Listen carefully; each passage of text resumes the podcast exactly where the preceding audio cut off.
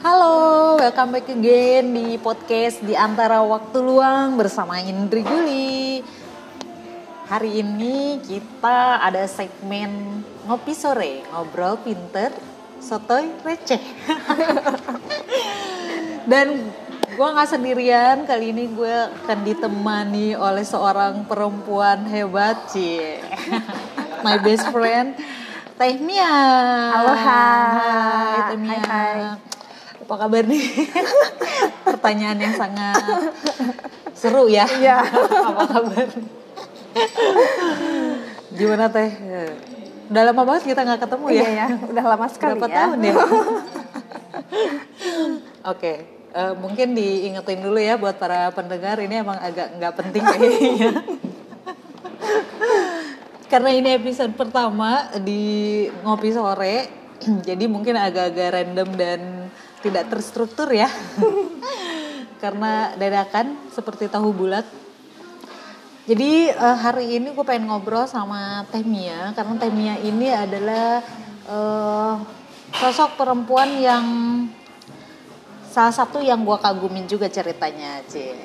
Karena apa? Karena gue ngelihat dia sebagai eh, perempuan yang asik aja gitu bawaannya, nggak nggak banyak pusing mikirin apa kata orang, nggak banyak pusing sama keribetan dan drama hidup, nggak kayak gue.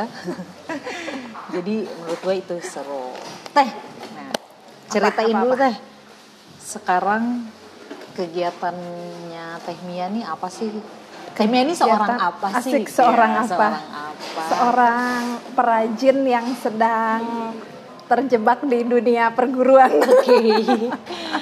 Pengrajin. perajin. Perajin atau pengrajin nih? Perajin ya, Perajin ya. perajin. Perajin terjebak di dunia akademisi gitu ya. Sebagai apa? Guru atau guru, ya? Guru di sebuah SMK di Bogor. Oke, ngajar apa? Ngajar seni budaya. Seni budaya. Oh, menarik, menarik. Gue pura-pura nggak tahu aja padahal gue udah tahu sih. Oke, kenapa kenapa lu kok bilang terjebak di dunia akademis? Kenapa terpaksa atau gimana nih? agak-agak setengah-setengah ada ada terpaksanya ada enggaknya jadi eh, kalau sebenarnya sih dunia seni budaya tuh dunia yang gue suka ya tapi ternyata kalau di lingkungan persekolahan yang formal, Formal. tuh eh, enggak enggak sesimpel itu gitu. Jadi ada berbagai banyak administrasi tugas administrasi yang perlu diikutin. Kan kalau eh, pinginnya gua ya ya pinginnya gua mah udah ngajar udah gitu ya. Kan kayak dulu gua juga jadi perajin full time misalnya ada workshop apa terus udah gitu kan ya. Nggak nggak ngurusin yang lain-lain nah tapi kalau di sekolahan tuh eh, ada tugas administratif guru lah ya yang ya kayak tadi aja gua ke sini eh, harus nungguin dulu anak murid gua Latihan latihan, upacara upacara, ya. jadi gue sebagai wali Oke. kelas harus nungguin gitu kan Iya, iya. nah terus udah gitu kalau di sekolahan formal tuh eh, misalnya anak nggak masuk ya Hmm. kita kudu eh, nanyain ke orang tuanya jadi nggak boleh dibiarin kan kalau Hmm. Oke. kayak kita di komunitas Bodo ada lah ya, teman temen nggak datang datang ya udahlah ya oh dia ada kesibukan ini ya udah Hmm. gitu kan nah, ternyata kalau di sekolah formal tuh kitanya kudu kepo kudu Hmm. kudu nyatronin itu anak gitu kenapa nggak masuk gitu Oke. kan Jadi tugasnya tuh sebenarnya lebih banyak dari eh, apa yang diajarkannya gitu ya, Ya, tugas-tugas ah, lainnya ya. ah, ah. Tapi kan sebenarnya eh sorry tadi ngajar sosial budaya ya. seni seni budaya Seni budaya. Sejalan dong kalau ilmunya. Maksudnya lu kan basicnya juga ya tadi perajin ya seni Eropa terus lu lu punya basic sejarah ya Bu ya? ya Maksudnya soal budaya mah udah lah ya gitu. Eh, tapi justru hal-hal yang di luar tugas itu yang bikin Itu yang- males yang bikin jadinya. menjebak, menjebak. Hmm, jeb- je- membuat lu merasa terjebak. Heeh. Nah, pertanyaan gua, kenapa lu milih pekerjaan ini gitu? Karena lu pasti udah sadar di awal ini pasti akan kayak gitu ya nggak sih? Maksudnya kita udah tahu lah gitu. gue dulu awalnya nggak nggak nyangka bakalan harus sedetail itu jadi Hmm. jadi kan gue awalnya tuh gue full time jadi perajin ya jadi perajin full time terus udah gitu uh, gue bikin komunitas kertas keliling itu kan ya. Nah, nah di komunitas kertas keliling itu gue ketemu sama salah satu anggota Pak Jeki almarhum. Nah Pak Jeki almarhum ini yang uh, mendorong gue untuk eh merekomendasikan gue untuk ngajar di SMK tersebut. Hmm. karena waktu itu masih kekurangan guru. Hmm. ya waktu itu sebenarnya gue pertama masuk itu ngajar uh, wirausaha hmm. karena seni budayanya itu Pak Jeki tersebut yang mengajar uh, terus udah gitu ya gue gue juga dulu mikirnya oh nah, ngajar di sekolahan uh, ya udah abis ngajar terus udah gitu kayak hmm. pulang dan sebagainya Nah, ketika eh sebenarnya kalau kita cuman jadi guru mapel doang mah nggak jadi wali kelas sebenarnya yang kayak gitu bisa sih hmm. dilakukan ya abis uh, ngajar terus pulang udah. Nah, tapi kalau pas ketika kita jadi wali kelas di sekolahan formal tuh Uh, ya gitu, uh, hmm. jadi yang kita benar mesti ibarat udah kayak kita emak-emak deh hmm. ngurusin anak, hmm. ya anak yang nggak masuk lah, anak yang misalnya ada guru lain ngelapor ini ibu anak ibu yang ini uh, di kelas saya uh, males-malesan wae. Hmm. nggak pernah ngerjain tugas. Nah itu tuh kita juga mesti negur ke anaknya kayak okay. gitu-gitu tuh yang kayak gitu-gitu. Iya, iya, iya. kayak orang tuanya sih anak-anak jadi gitu lah ya sebenarnya. Terus kan kita jadi kesannya uh, apa ya kayak orang tua yang terpaksa maksudnya gini. Ngurusin anak orang. uh, ngurusin anak si anaknya kan dengan dengan kondisi ya dia nggak mau ya maksudnya nggak mau diatur-atur hmm. tapi kitanya kudu ngatur gitu loh ya kan. nah itu bedanya beda banget uh, ketika uh, gua ngajar workshop atau enggak kita uh, berkegiatan di komunitas. komunitas kan kalau di komunitas atau di kita workshop gitu orang-orang kan datang memang karena memang dia mau ya mau hmm. mendengarkan materi tersebut atau enggak uh, mengerjakan hmm emang niat untuk emang ikutan. niat untuk datang dan dan pasti nyimak gitu hmm. kan ya nah sedangkan di sekolah formal tuh kan ya ya jujur aja ya mayoritas anak tuh pasti sebenarnya males kan. Males kan sekolah formal ya, ya kayak kita aja lah. Kayak gitu kan. Bolos-bolos uh, uh, kalau gua gua udah lima tahun ya lima tahun ngajar gua bisa bilang kayaknya tujuh puluh persen deh kayaknya pada terpaksa anak-anak itu. Okay. Nah, Eh, menghadapi anak-anak yang terpaksa itu loh. Eh, kita mau mau kita biarin cuek ternyata kok jadi ngelunjak plus jadi nular ke yang lain ya. Hmm. kalau kita biarin nih anak-anak ini mau dikerasin uh, terlalu sering juga nggak bisa ya. Kan hmm. namanya anak remaja kan emang lagi uh, ya ini usia-usia lagi anak belasan ya, gitu lagi seru-serunya ya. Lagi gemes-gemesnya kayak. di, dibentakin juga nggak bisa ya. Hmm. kita juga nggak boleh terlalu ya kadang-kadang sih nggak bentak. Nah, kalau udah berkali-kali kelewatan banget ya nah, tapi harus ada tarik ulurnya teh ya kadang-kadang ya mesti kita agak baikin kayak gitu tapi seorang lo ngebentak gitu ngebentak oh, orang pernah. oh iya karena ada beberapa kali karena akumulasi ya jadi misalnya anaknya itu menunjukkan sikap tidak respect ya, hmm. tidak respect dan itu udah berkali-kali ya berkali-kali. Kira meledak lah ibu guru yang sabar ini ya. Oke. Okay. Tapi ya buat seorang yang merasa terjebak di dalam profesi uh. ini bisa bertahan lima tahun tuh gue rasa menikmati sih sebenarnya. Coba karena kalau gue tipe orang yang kalau ketika gue ngerasa enggak gitu ya, uh. maksudnya ah ini enggak banget ya pasti gue tuh cabut gitu nah. paling tahan tuh ya dua tahun tuh udah alhamdulillah banget gitu ya nggak gila juga nah tapi bisa sampai lima tahun tuh sebenarnya apa sih yang lo pertahankan tuh apa gitu kenapa lo bertahan di situ apakah gaji yang sangat gede itu hmm. kan atau uh, ada hal lain justru yang emang sebenarnya lo ngerasa kayak enggak kok gue sebenarnya suka udah hmm. dan ini tuh udah kayak sebenarnya jalan hidup gue hmm. atau apalah gitu Uh, iya ya, gue juga gue juga dulu ya lagi waktu pertama jadi guru itu, jadi guru di sekolah formal ini ya. Uh, gue pikir ah gue nih kayaknya udah cuma tiga bulan doang udahan nih ya. Uh, karena gue juga banyak melakukan kesalahan dan kekonyolan ya saat itu. Aduh kayaknya nih udah di gue bakal dan hmm. dipecat nih. Ternyata enggak gitu kan ya. Ternyata uh, apa namanya salah satu yang bikin gue bertahan tuh karena kan dikasih tanggung jawab ya misalnya jadi wali kelas nih jadi wali kelas berarti kan harus setahun ya Nah, nggak Harus bisa sampai berakhir sampai tahun berakhir tahun ajaran. ajaran kan Oke. nah udah berakhir tahun ajaran terus misalnya eh, ada kegiatan apa lagi yang eh, kita dilibatkan? Oh oh jadi ya udah deh gitu ya Nah. awalnya ngikutin gitu kan. Nah terus gue juga awalnya eh, ah udah nih kayaknya udah satu tahun doang nih. Hmm.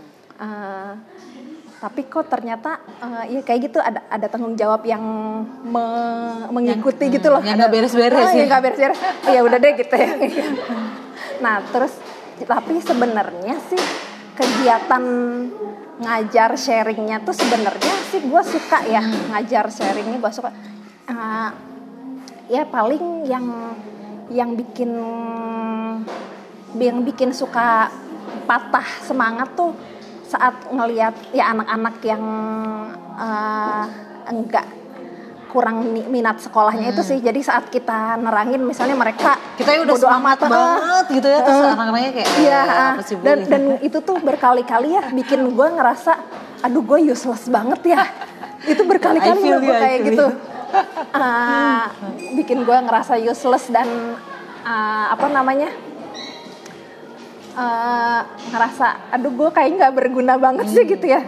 Nah tapi ketika gue nanya-nanya ke beberapa guru yang lebih senior ya, eh, dan ternyata mereka pun mengalami itu, jadi eh, ternyata nggak nggak di pelajaran gue doang ya si anak tersebut teh. Jadi bukan itu- kesalahan lu sebenarnya Nah, gitu jadi ya. gue tuh rada rada berbesar hati teh, rada berbesar hati karena oh iya jadi si anak itu misalnya males bukan cuma di pelajaran gue doang Iya, ya, iya, oh iya. jadi di pelajaran lain juga ya udah deh gitu kan, ya udah deh berarti gue ya jadi gue maju terus ya jalan lagi jalan lagi. Nah terus eh, jadi sebenarnya kan waktu itu gue eh, mau ngajar itu kan karena ngajar wirausaha ya sama seni budaya. Nah itu tuh kan sebenarnya dua bidang yang emang menarik ya buat gue pribadi. Jadi ketika gue ngajarin ke anak-anak tuh sebenarnya gue juga jadi belajar lagi ya. Gue jadi belajar lagi. Makanya gue sekarang eh pokoknya setahun terakhir ini kita suka gegambaran ya. Nah itu tuh sebenarnya juga terpicu dari gue ngajarin anak-anak di sekolah kan. Kan eh, namanya eh guru kan suka berkoar-koar kan ya. Kamu harus belajar nenek. kan gue kan kalau gue ngomongin kamu kamu harus belajar tapi guanya sendiri gak belajar kan kayak yang eh, ngemeng doang Iya, bullshit iya, gitu ya. iya. nah jadi kan itu juga memacu gue aduh gue juga harus belajar sesuatu nih jadi ketika gue di kelas eh, nyuruh anak-anak supaya kreatif untuk belajar itu tuh itu adalah hal yang juga gue lakukan gitu. Nah, jadi itulah makanya gue eh, waktu itu ikut komunitas ya. Tapi terus kayak karena ada eh, rutinitas di sekolahan yang juga lebih padat, makanya komunitas gue Agak- lepas ya gue untuk eh, apa namanya untuk kegiatan rutin komunitas gue lepas. Tapi gue eh, untuk belajarnya tetap Masih. lah, tetap. Nah, makanya gue uh, belajar aja otodidak yang ngegambar, ngelukis ya kayak kita bareng-bareng nih sama Dita. Iya. Hai Bareng-bareng. Dita. Di sini ada penonton guys, namanya Dita. Ini sobat gegambaran kita. Sobat gegambaran. Nah, nah, jadi gitu. Jadi apalagi pas belajar seni eh ngajar seni budaya. Ngajar seni budaya itu kan berarti uh, guanya mesti menularkan apa ya ke anak. Jangan takut salah gitu ya, jangan takut jelek. Uh, nah terus sambil gue juga jadi bisa sharing ke anak. Saya juga lagi belajar gambar nih kan suka salah. Jadi uh, apa ya jadi gue sih berusaha jujur sama diri gue sendiri sih. Jadi ini saya juga lagi belajar kok lagi belajar gambar. Makanya gue juga suka posting ya di instastory dan gue ada eh, murid-murid gue juga follow gue ya. Eh, ya maksud gue sih supaya menunjukkan juga bahwa eh, apa ya ya kita belajar sesuatu yang baru terus nggak nggak langsung sempurna nggak langsung Hmm, perfect ya biarin aja. Ha. kayak gitu. Iya, iya, iya. Tapi eh, kalau ini ya, maksudnya kan tadi ya udah ini tuh sebenarnya kondisi yang terpaksa awalnya Heeh, gitu, tapi terus ya udahlah di dijalanin aja Iya. gitu kan. Nah, Oh iya tapi dijalanin itu juga ada beberapa faktor sih. Hmm. Ya yang lainnya adalah faktor keluarga ya. Hmm. Faktor keluarga uh, nyokap Kenapa faktor gue keluarga? nyokap Harus gue jadi guru? menginginkan banget gue jadi guru karena Oh, nyokap gue oke. guru kan Oh, nyokap iya. gue guru dan eh, emang sih kalau dari segi waktu tuh emang enak, Enak ya ya, fleksibel fleksibel ya. Eh, dari segi waktu emang fleksibel enak kayak gue jadi jam segini kan udah bisa ngopi-ngopi sore iya, sama lu gitu kan Gue juga ya bisa sih, tapi bos gue gak tahu. abis ini ntar tahu iya bener, bos jangan dengerin ya bos. Nah terus udah Iya, gitu, eh, walaupun ya eh, bebannya emang berat ya, jadi guru formal tuh berat dah. Eh, udah gitu, selain faktor keluarga itu, ah iya faktor, jadi faktor nyokap tuh lumayan emosional sih di gue. Jadi gimana ya, gue mikirnya, gue kayaknya seumur hidup gue kayaknya gue belum bisa ngasih sesuatu yang apa gitu ya, yang berarti banget sama nyokap gue. Nah tapi dengan gue jadi guru tuh kayak udah Minimal ah, minimal membahagiakan ah, kayak ya. kayak Keinginannya apa sih, ah, keinginan nyokap gue terpenuhi gitu. Dan Hmm. dan di balik gue keterpaksaan ini dan keterjebakan gue teh lama-lama jadi ngerti juga sih. Jadi ngerti eh, apa ya yang yang dulu orang tua gue ajarin. Misalnya kamu harus tanggung jawab harus jujur harus ini. ternyata itu tuh baru baru kerasa tuh pas gue jadi guru Jadi ini guru justru. Ih, jadi gitu Dulu ya lu nggak emang bertanggung jawab atau gimana? kurang kurang ini emang gue semau maunya gue tuh ya oh kumaha gue we gitu ya dan ternyata sekarang gue jadi guru gue ngelihat anak yang kumaha urang we kumaha aing we ternyata Gemes kesel ya? ya, lu sadar kan kalau Iya. lu dulu ngeselin? betul betul Iya iya iya. Ya eh, tapi berproses ya maksudnya. Gue sih percaya semua orang tuh punya Ah, prosesnya masing-masing, menemukan jalannya masing-masing untuk jadi lebih baik. Tapi nih ya kalau misalkan eh gue nanya lu ya, sebenarnya kalau balik ke diri lu sendiri ya, katakanlah lu punya pilihan gitu. Lu tuh pengen jadi seorang apa sih gitu? jadi perajin full time lagi kayak Full dulu time, ya oke. perajin full time lagi terus dengan eh, apa namanya dengan eh, hidup cukup ya gitu ya jadi Hmm. Cukup, cukup, lah gimana nih? cukup, Cukup beli membiayai mobil, cukup beli rumah. membiayai kehidupan gue sehari ya termasuk juga mencicil beli rumah gitu ya dan itu kayaknya nah salah satu yang gue akhir-akhir ini gue bikin agak gloomy gitu tuh kayaknya gue kok kayak makin jauh ya dari impian gue hicks Oh lu ngerasa begitu ya? Impian lu untuk menjadi Impian seorang lu perajin, perajin full time. full time Oke. Lu pengen jadi perajin tuh bikin apa sih? Pengen bikin apa gitu? bikin dulunya dulunya makanya gue bikin si Pakwira handmade itu bikin kertas keliling sama bikin Rajutan. rajutan. nah terus eh, nah salah satu eh, apa namanya dalam perjalanan gue membangun si Pakwira handmade itu kan gue beberapa kali kalau dulu dulu ya waktu belum ngajar eh, kan suka bikin kerajinannya tuh di beberapa tempat makan gitu ya di kafe. Gue sambil sambil ini ibaratnya tuh nyari format ntar gue kalau suatu hari eh, punya tempat Iya. gitu ya gue pengen kayak gimana. Gue tuh paling seneng ternyata di tempat yang eh, kayak semacam library cafe gitu. Jadi waktu itu Ya. pertama kali banget gue nemu tempat yang di Taman Topi yang eksetra Oh cafe iya, Etcetera. ya. itu pertama kalinya Ya gue tahu di Bogor ada ya eh, kafe dan iya, iya. ada perpus mini dan kita bisa baca. Iya iya. itu pertama kalinya gue ya ampun ih lucu. Dan gue jadi pengen punya, Punya. kayak gitu.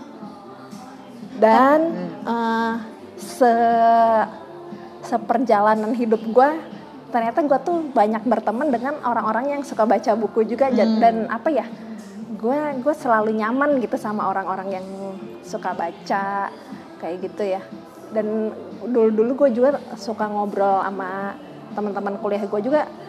Mereka juga sebenarnya pada pengen gitu loh punya tempat kayak Hmm, uh, apa sih kayak taman bacaan ya. Kayak sebenarnya kayak yang suka kita obrolin ya taman bacaan. Terus ja- ada tempat, Tempat diskusi ngumpulnya, eh, tempat iya. ngumpul iya kayak gitu.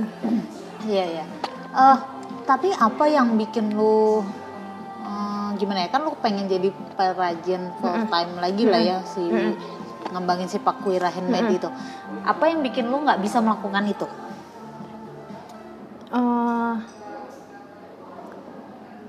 yang pertama apa ya? Selain mau menyenangkan orang tua untuk menjadi seorang Ah, guru ya, ah, ah, ah. apa yang bis, yang membuat lo jadi terhambat? Maksudnya si pakuiranya tuh kan jadi agak slow Ah, banget kan iya. sekarang. gitu. Ah, ah. Nah, kenapa itu bisa terjadi? Kan bisa nggak kalau misalkan itu tetap jalan? Tetap jalan. Artinya lu bekerja secara formal, Ah, ah, ah. tapi lu juga melakukan sesuatu yang lu suka dan Ah, ah. katakanlah jadi duit gitu, Ah, ah. atau jadi ya emang profesi gitu. Heeh. Iya harusnya sih itu bisa ya, Hmm, tapi uh, gue malas. melakukan eh dalam dua tahun terakhir apalagi uh, gue gawe sampai Sabtu nih, itu ternyata lumayan menguras Hmm. Capek. energi gue ya. jadi jadi Inginnya gue rebahan ya. jadi gue larinya adalah ke ngehobi aja. Jadi Hmm. waktu itu gue tuh sempet sempet waktu itu makanya gue beli eh apa sempet bikin rompi kan, Hmm. bikin rompi untuk si Beta tuh, si Beta pesen, terus temen gue si Lydia sama shalnya si Rija Oh, tuh. iya, Nah iya. itu tuh sebenarnya waktu itu waktu tahun kemarin ya, gue tuh pengen itu pengen eh, menyeimbangkan. Jadi ada gue tetap jualan juga, tetap pre-order.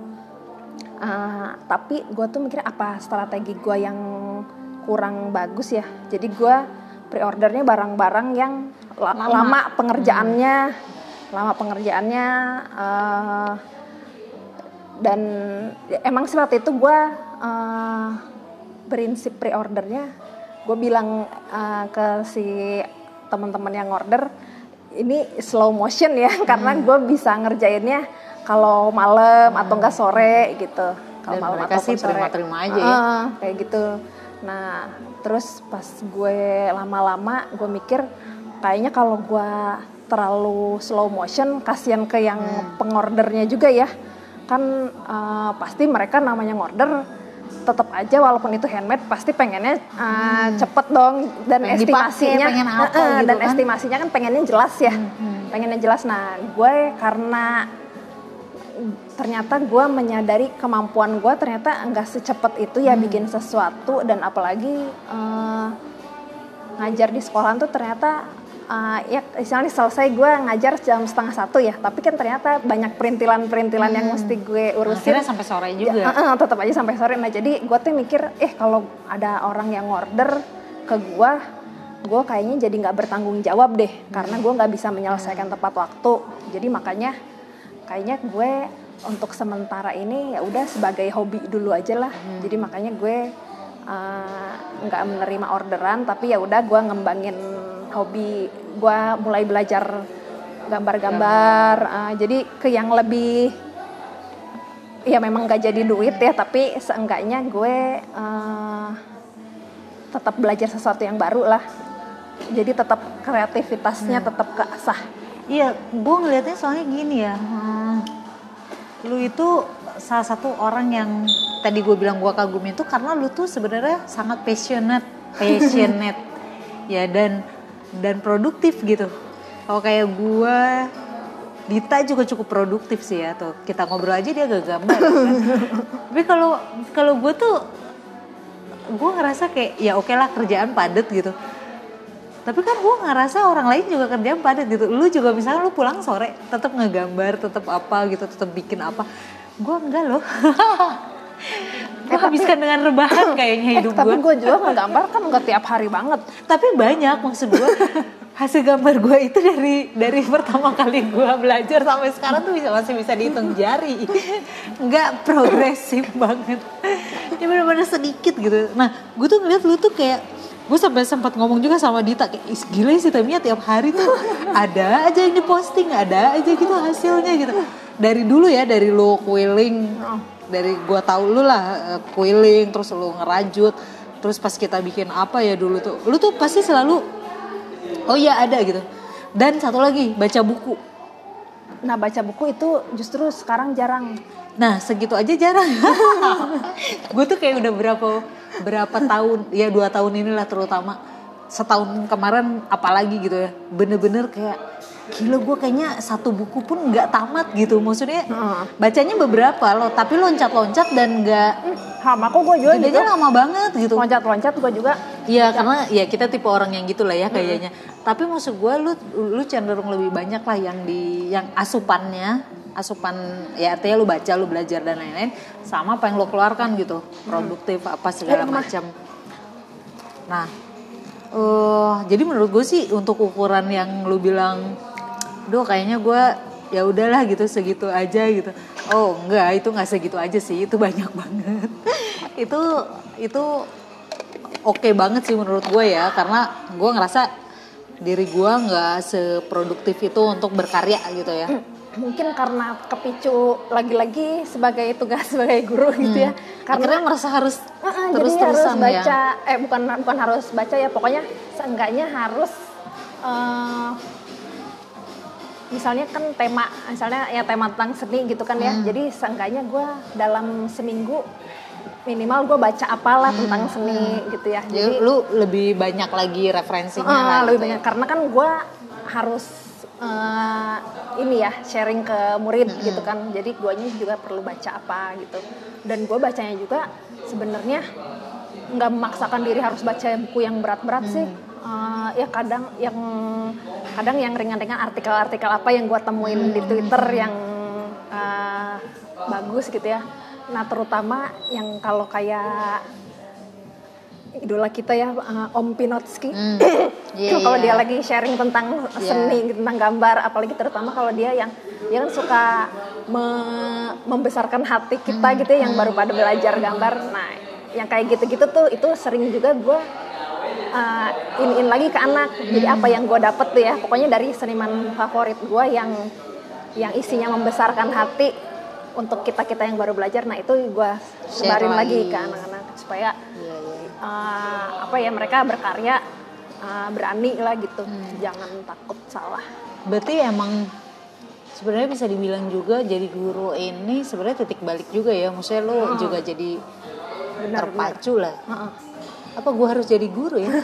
Eh, Supaya iya. gue belajar gitu. dan dan anehnya ya uh, jadi guru walaupun segitu banyak mumet dan dan ya tadi yang gue bilang terjebak kecemplung dan lain-lain tapi entah kenapa di saat jadi guru ini gue jadi pengen S2 dulu dulu ya dulu dulu gue nggak kepikiran itu. Ih gue kayaknya udahan udah cukup ya gue Udah- udah kuliah capek ya. udah capek gitu ya.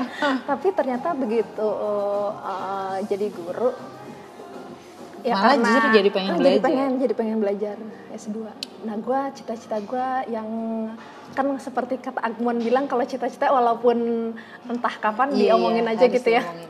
Jadi gue pengen S2 IKJ kan Waduh. seni urban jadi waktu itu gue tuh beberapa kali ya karena eh, ini ya karena gue kan gue jadi perajin ya. Jadi Hmm. perajin kan awalnya bikin kertas kuil bikin paper quilling sama ngerajut dan itu kan gue ngerasanya kok kayaknya gue kurang ya kalau cuman praktek itu aja. Nah gue kan penasaran ya penasaran eh, dan oh ya dan dulu dulu itu gue ngerasanya kayak kalau si kerajinan tuh kayaknya satu tingkat di bawah seni rupa yang lain ya nggak sih lah ya. Eh, kayaknya kastanya kayak lebih rendah gitu lah. Nah makanya itu gue pengen tahu eh, bener nggak sih kalau di kalangan senimannya sendiri kayak gitu nggak sih? Nah ternyata eh, dari gue mengamati ya sebenarnya kan kerajinan juga bagian dari seni rupa kan ya. Bagian skria gitu kan ya bagian dari seni rupa. Nah makanya itu gue eh, dari kapan ya gue eh, suka mewajibkan diri gue untuk ini sih untuk eh, ya kayak datang ke pameran ya. kesukaan kita ya. Eh, dan dan ya untungnya gue jadi ketemu kan sama orang-orang yang juga suka datang ke Iya, iya. pameran. Dan buat gue itu kan cara kita salah satu mengapresiasi seni ya. Eh, jadi makanya gue suka mewajibkan diri nonton pameran lah. Kalaupun sekarang nggak bisa eh, ya untungnya ada medsos ya. Jadi gue walaupun eh, apa namanya nggak punya cukup waktu buat datang eh, ya seenggaknya ada beberapa seniman yang gue follow ya, jadi gue bisa lihat karya-karyanya gitu ya dan kalau emang gue sempat ada waktu gue pasti nyempetin dateng kan ke suatu pameran apa gitu Eh, nah itu buat gue sih uh, belajarnya gue salah satu cara belajarnya gue Iya iya iya. Ngopi dulu. Kita kan Iya. lagi ngopi sore. kita ngopinya satu Satu gelas gelas berdua Emang agak irit gitu. Biar ada efek suara-suara gitu.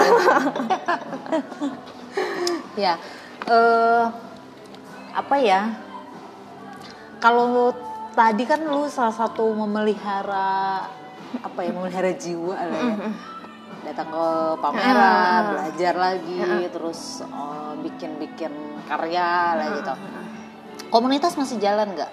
Komunitas udah vakum, Vakum. udah dua Sama sekali tahun nggak ikut komunitas udah apa pun? nggak- ikut komunitas apa pun sebenarnya itu sedih sih sedih karena eh, salah satu kesempatan gue untuk belajar dan ketemu, Hmm. teman-teman ya. Hmm, yang sejiwa tuh jadi berkurang itu sebenarnya sedih dan itu sempat bikin depresi juga gue sama si Kiki juga tuh sama tuh aduh Hmm. kita sedih banget ya eh, kita kelas Bogor jadi vakum gitu kan.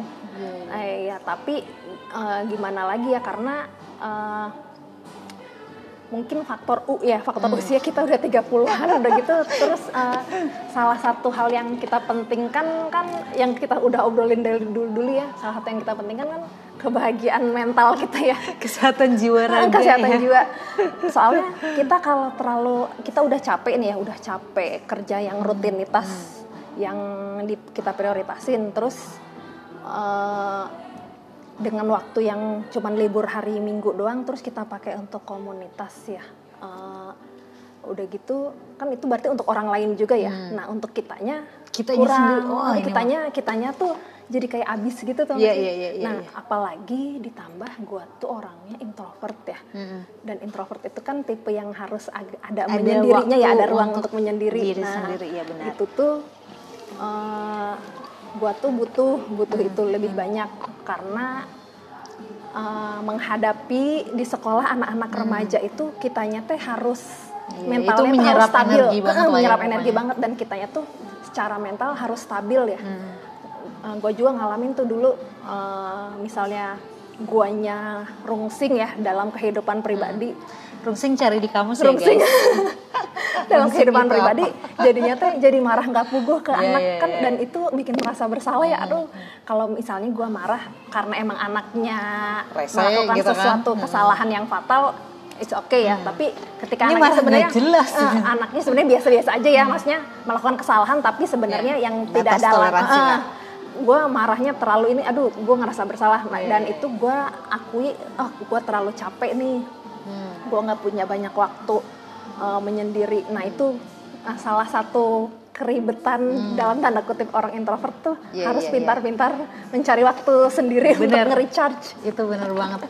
Gue juga ngerasa gue seperti itu. Maksudnya gue nggak tahu sih ya gue beneran introvert atau enggak gitu. Karena kadang orang bilang tuh kayaknya lu nggak introvert deh.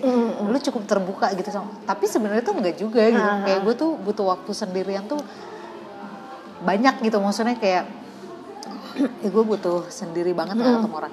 Nah ini menarik kenapa? Karena gue tuh jadi akhirnya eh beberapa waktu lalu lah gue sempet di bukan ditegur apa ya diingetin lah sama seseorang gitu ya. Sebut Sekarang saja dia bunga. aku tahu. Nggak usah dibuka.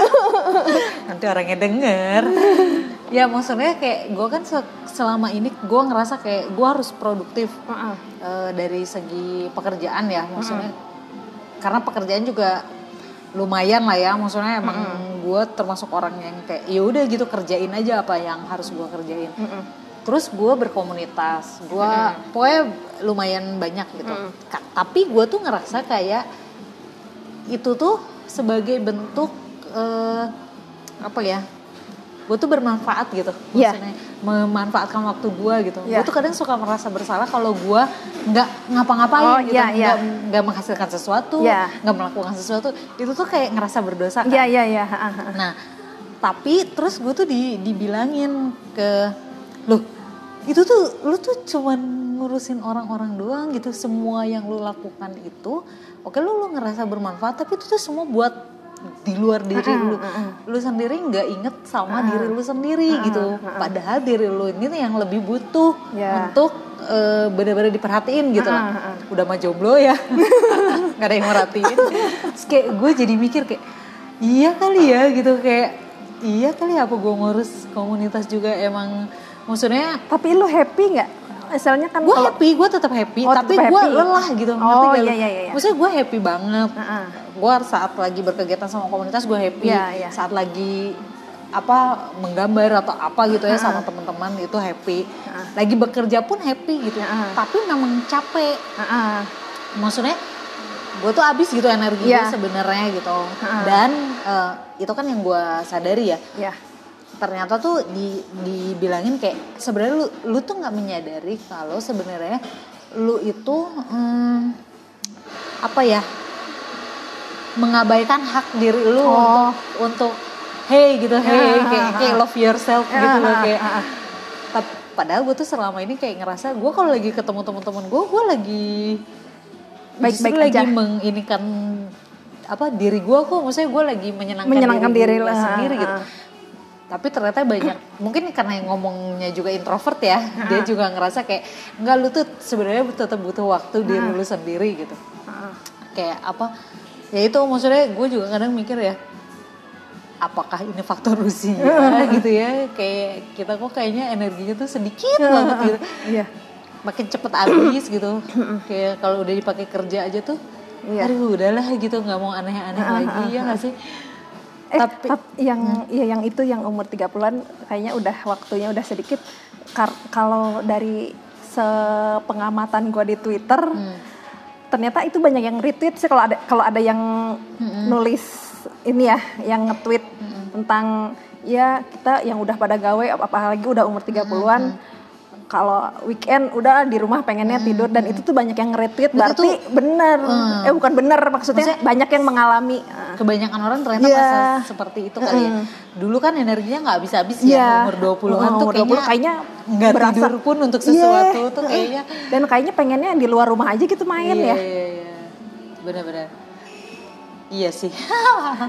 eh iya tadi gue ada yang gue belum ini apa tuh? belum ombrolin yang tadi gue bilang gue pengen S2 itu ya yang Hmm. IKJ seni urban itu tuh gara-gara kan karena gue suka pengen lihat pameran-pameran itu kan Hmm. nah suatu hari tuh ada pameran di tim nah gue pikir itu pameran biasa ternyata itu pamerannya si eh, para mahasiswa S2 seni IKJ, urban eh, oh. dan terus kan ada ada kayak semacam kuliah umumnya gitu ya. Hmm. Nah, si kuliah-kuliah umumnya tuh menarik-menarik gitu, yang tip yang ngobrolin seni, filsafat, Hmm. yang kayak gitu-gitu. Itu menarik-menarik banget. Makanya gue tuh jadi ih kayaknya pengen gue. Hmm. Nah, terus makanya gue tuh sejak setahun lalu apa dua tahun lalu ya, gue mulai mencicil buku-buku semiotika. Jadi gue tuh ya tahu gak sih sampai Ibu nanti udah nggak usah kuliah bu, ibu kan udah belajar. jadi makanya gue tuh kan eh, ini ya salah satu cara gue menghibur diri ya. Hmm. gue tuh kalau punya sesuatu eh punya cita-cita sesuatu tapi belum kesampaian gue tuh suka menghibur dirinya ah gue mendekatkan diri dulu aja sama si cita-cita tersebut ya daripada gue stres. Wah gue cita-cita gue udah nggak bisa tercapai. Ya yang penting gue mendekati diri dulu lah. Nah jadi cara gue mendekati diri adalah uh, ya sambil gue cari tuh si S2 seni urban tuh dia belajarnya apa aja sih? Untungnya di websitenya lengkap kan ada silabusnya. Dan dari silabusnya itu gue ngeliat Lu belajar sendiri tuh dari semua mata eh, kuliahnya. kan ada materi-materinya tuh ya ada salah satunya semiotika. Nah jadi gue beli itu buku-buku semiotika. Eh, dan dan ternyata susah ya Bo. Dan kayaknya Tidak mudah dipahami. tidak mudah dipahami. Dan kayaknya emang harus ada tatap muka gitu ya. iya. Harus tatap muka sama yang lebih jago Iya, iya. gitu. Dan saat baca bukunya jadi susah dia mengerti tapi teh seneng gitu Menarik. loh menarik ya ya. Mungkin nanti bisa daftar ke IKJ bukan sebagai mahasiswa bu, sebagai dosen aja udah langsung. nah terus udah gitu uh, ada materinya tuh. Materinya tuh ternyata uh, apa tuh materi-materi si di kuliah seni 2 S2 itu materi-materi yang dipelajarin di SMA sekarang yang gue ajar ke anak-anak tapi versi kalau yang di Hmm. Versi SMA lebih sederhana versi lebih ya. sederhana nah jadi gue tuh kayak yang ibarat gini ih apakah ini gue jalannya mungkin makanya gue tuh harus meniti di sini dulu mungkin ya Hmm. jadi itulah salah satu yang uh, membuat gue tetap jadi jadi gue mikirnya uh, oh apa mungkin ini jalan dari Tuhan gue teh kudu belajar di sini dulu nih diarahkan sana, gitu. nah yeah. Gue tuh juga dulu sempet uh, baca tweet orang ini loh apa teh uh, kita ngerasa terjebak nih di satu uh, dunia ya atau enggak satu lingkungan kita pengennya misalnya ke B kita tapi masih ada di A aja ya hmm. uh, pokoknya kita ngerasa stuck di sini gitu dan kita pengennya uh, keluar ya dari lingkungan ini nah tapi tanpa kita tahu ternyata Allah tuh kayak udah ngerencanain lu tuh emang harus di sini dulu ya. ntar G hmm. walaupun ntar ada jalannya walaupun jalannya wah berliku-liku yeah, yeah, yeah. kayak gimana ntar tuh lu sebenarnya ke B nah gua tuh takut ya ketika gue sekarangnya udah ada di satu titik gue tuh takut kalau gue uh, sembrono ah gue keluar dari sini hmm. ternyata gue malah makin menjauh tuh gak lo yeah, yeah, yeah. gue ngira saat ini gue pikir jauh dari impian gue tapi kalau gue keluar dari sini takutnya malah makin malah menjauh makin tau kalau kayak gitu bingung deh iya iya iya, iya. dan itu se ini dengan jodoh. Maksudnya oke. okay. jadi yang tahun Mulai kemarin. menariknya tuh sebenarnya yang tadi tuh nggak penting semua guys. Cuman ini yang paling penting. Ya gimana gimana? Coba gimana? Udah ada hilalnya nih jodoh atau gimana? Dari yang uh, kasus C kasus Kas. yang tahun kemarin itu ya pokoknya okay. itulah ya. Nah dari itulah gue juga jadi nyadar lah. Hmm. uh, nyadar banget namanya ya Allah udah punya rencana misalnya kita oh ngerencanain uh, oh masih ini ini ini hmm. ternyata Allah merencanakan yang lain ya hmm. kita bisa apa gitu kan nah di situ gue belajar banget tentang apa ya tentang nerima sih hmm. tentang nerima nah nerima dan dan ya udah ngejalanin ngejalanin yang kita mampu nih saat ini hmm.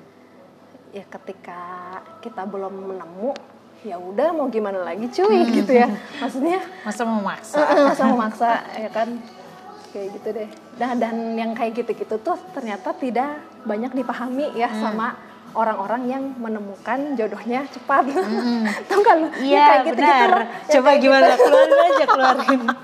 Coba gimana gimana? Coba. Ini pasti udah ditahan-tahan nih. Coba.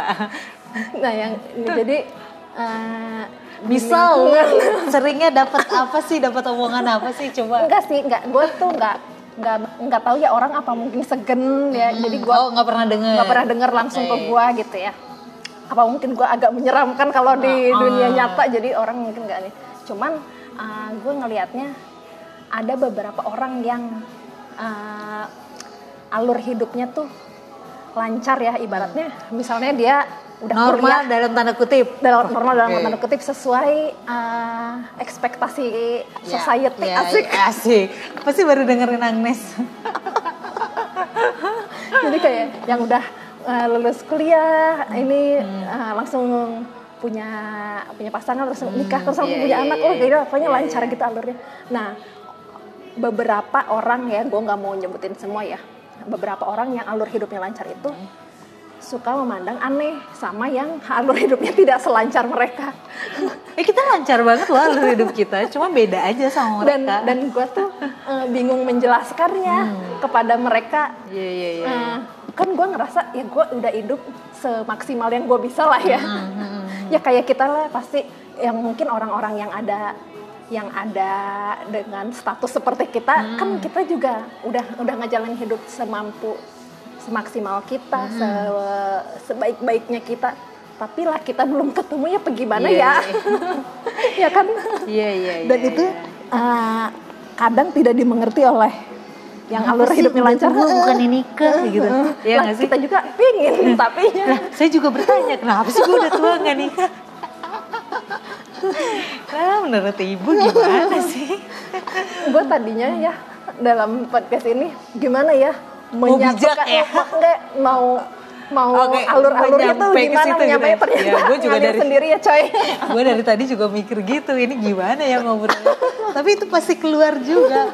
Dan ini kita udah 45 menit loh ternyata emang gak kerasa ya. Mudah-mudahan orang dengerin.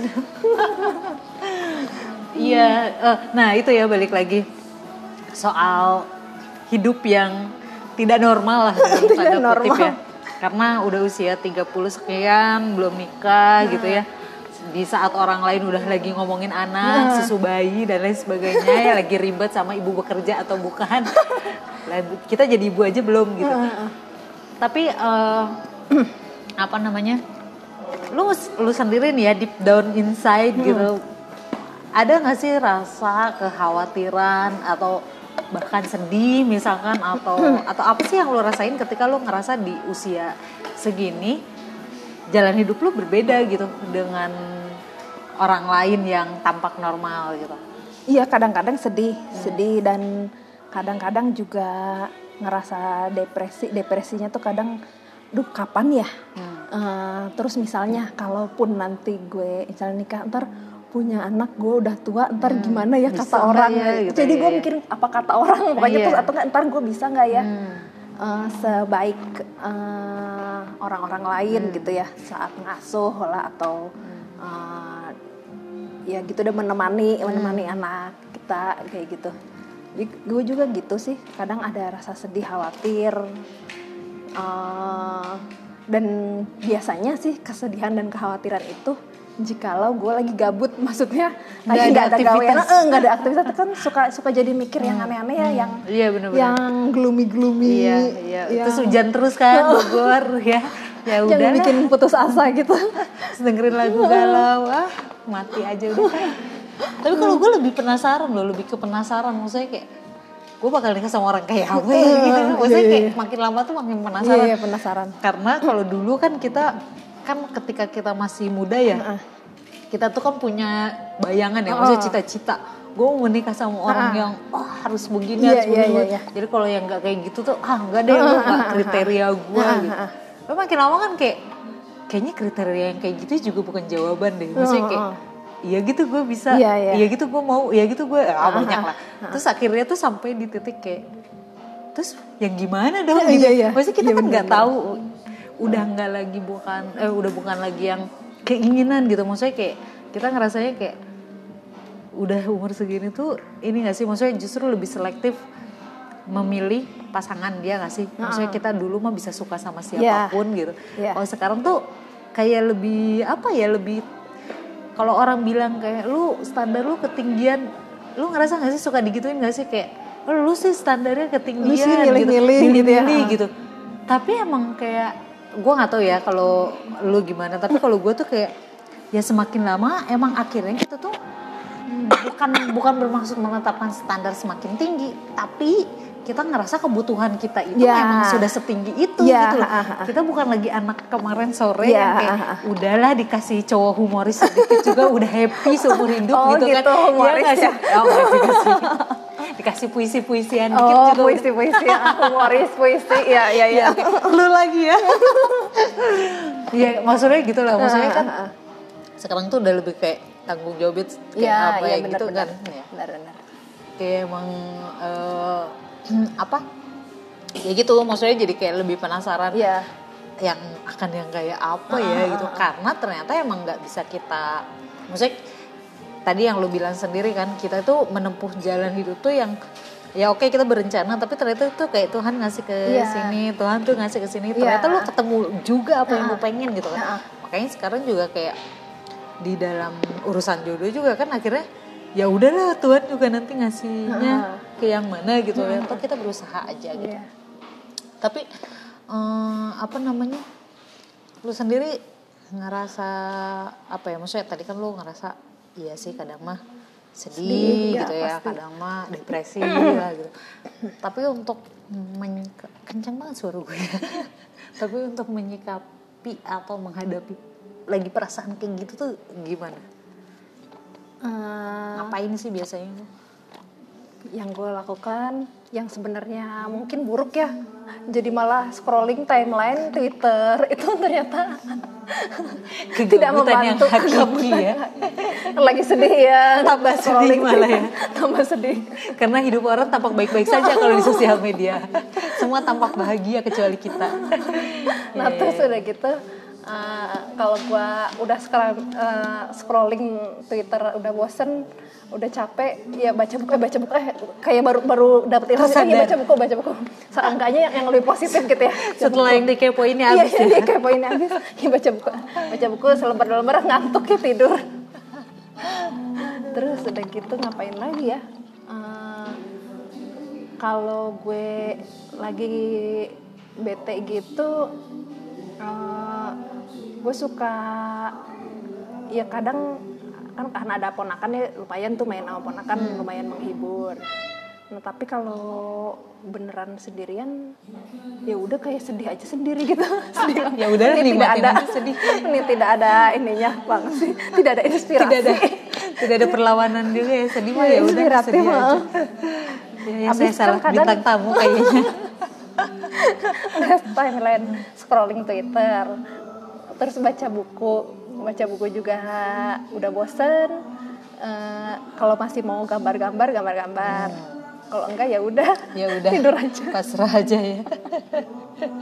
Oh iya iya. Tidak inspiratif hmm. sekali ya jawabannya. Benar, salah ini episode pertama kita sangat tidak berguna kayaknya.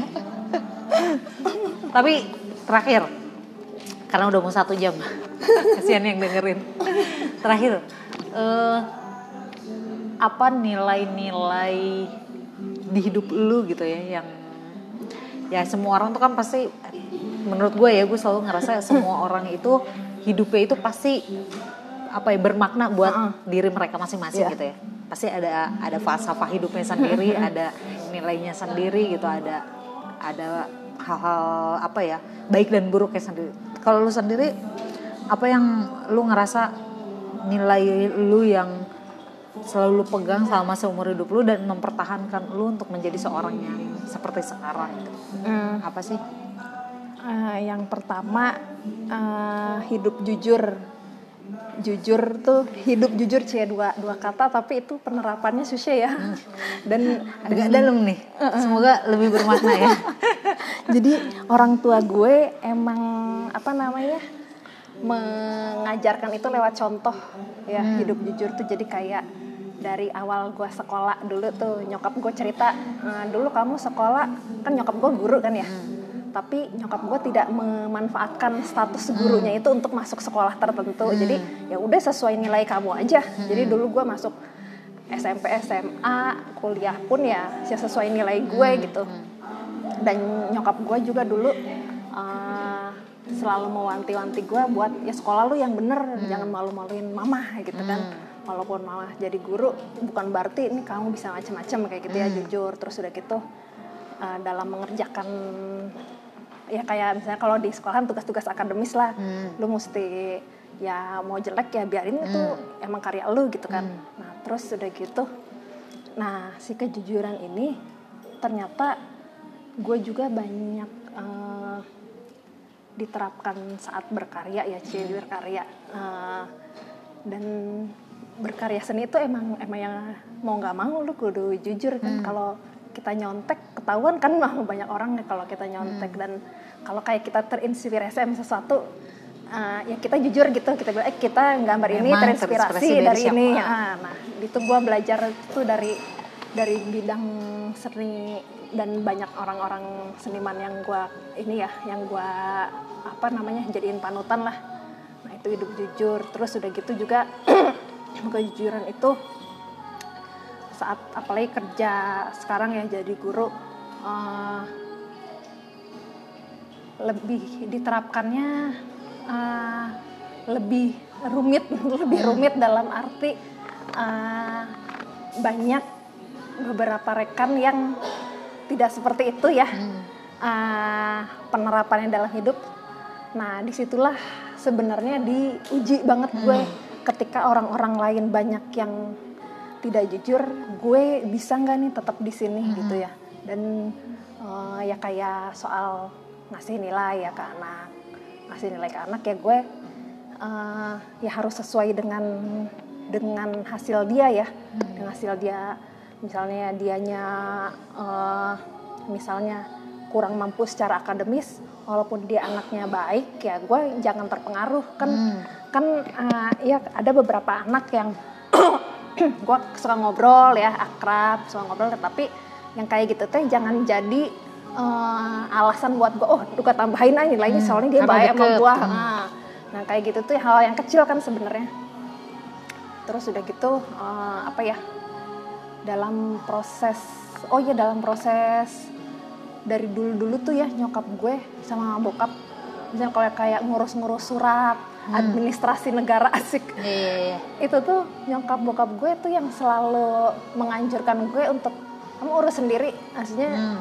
jangan nyuruh orang sehingga lu bayar doang pake gitu loh gitu. ah pakai calo jangan yeah, kayak yeah, gitu yeah. nah hal-hal yang kayak gitu sih yang yang sebenarnya ribet ya ribet hmm. tapi ternyata itu tuh banyak mengajarkan gue jadi untuk nggak nggak nyepelein orang nggak nganggap orang eh lu gue bayar lu aja gitu hmm nah yang kayak gitu-gitu tuh itu jadi pegangan gue banget sih untuk nggak menyepelekan orang ya nggak menyepelekan orang terus apalagi ya oh ya dalam salah satu nilai yang gue pelajarin juga nah setelah jadi guru dan gue berkarya kerajinan tuh persiapan ya hmm. persiapan jadi dulu kan gue orangnya selebor ya aku maha engke ya hmm. Hmm. kalau sekarang gue udah lebih nah, well terencana ya. lebih well prepare hmm. lebih well prepare uh, apa-apa harus gue rencanain hmm. gitu dulu juga gue orang yang suka berdosa sama teman-teman gue hmm. kalau kalau janjian oh gila gue ngaretnya parah karena karena gue orangnya gak well prepare gitu yeah, kan yeah. jadi ah, kok gimana nanti aja nah sekarang gue lebih memperbaiki itu karena karena apa ya lagi-lagi ya saat jadi guru tuh itu beneran kayak menampar gue diri diri yeah, gue sendiri yeah, yeah. jadi kayak gue tuh harus uh, harus menyelaraskan antara omongan gue dengan tindakan gue gitu yeah, yeah. ketika gue nggak selaras kan gue jadi ini ya apa namanya jadi kayak ngebohong gitu ke anak yeah, yeah, nah. yeah, yeah. oke okay. karena wow. sebentar lagi udah habis Terima kasih Temia, itu Sama-sama. tadi obrolan yang sangat berfaedah ya. Semoga dengan Teknia Nikmalah Hatsari. Uh, semoga apa yang kita obrolin ini ya lumayan lah minimal jadi referensi teman-teman atau ya minimal hiburan lah ya. Hiburan menertawakan keanehan kita. Terima kasih ngobrol-ngobrolnya ngopi sorenya Temia kita akan ketemu lagi di episode-episode berikutnya di podcast di antara waktu waktu luang. Terima kasih sudah mendengarkan. Dadah, dadah. kita makan lagi